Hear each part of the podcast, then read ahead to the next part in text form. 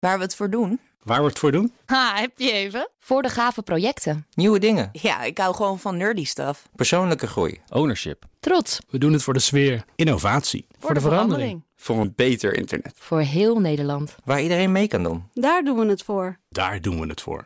Waar doe jij het voor? Kom werken voor KPN en groei op jouw manier. Check de actuele vacatures op het gebied van data, security, development en networking op jobs.kpn.com/tech. Ik ben Carlijn Meinders. Dit is Wetenschap vanavond. Eén minuutje wetenschap. Want lange tijd was het onbekend waar in de hersenen sensaties werden verwerkt die rond de vrouwelijke geslachtsdelen worden gevoeld. Nu denken ze de spot te hebben gevonden. Het gaat om een deel van de somatosensorische cortex. Dit gebied is betrokken bij de verwerking van tast, pijn en temperatuur. Van veel lichaamsdelen is al langer bekend waar sensaties verwerkt worden in de hersenen. Zo heeft de voet een eigen plekje en ook de knie.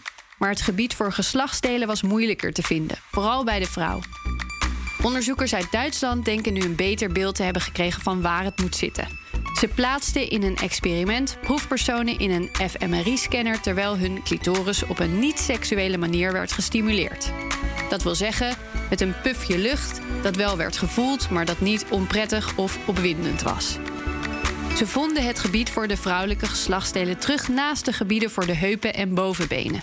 Geen onlogische plek dus. Maar de exacte locatie verschilde wel van vrouw tot vrouw. Ook de grootte van het gebied was niet bij iedereen gelijk.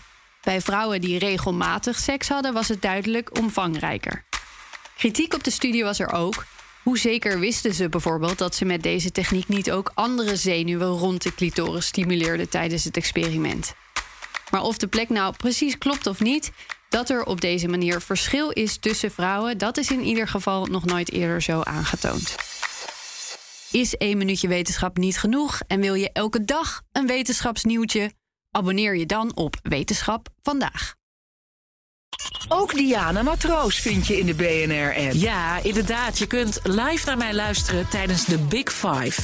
Ook handig in de BNR-app. Breaking nieuwsmeldingen, maar ook het allerlaatste zakelijke nieuws. En je vindt in de app alle BNR-podcasts, waaronder Wetenschap Vandaag. Download nu de gratis BNR-app en blijf scherp.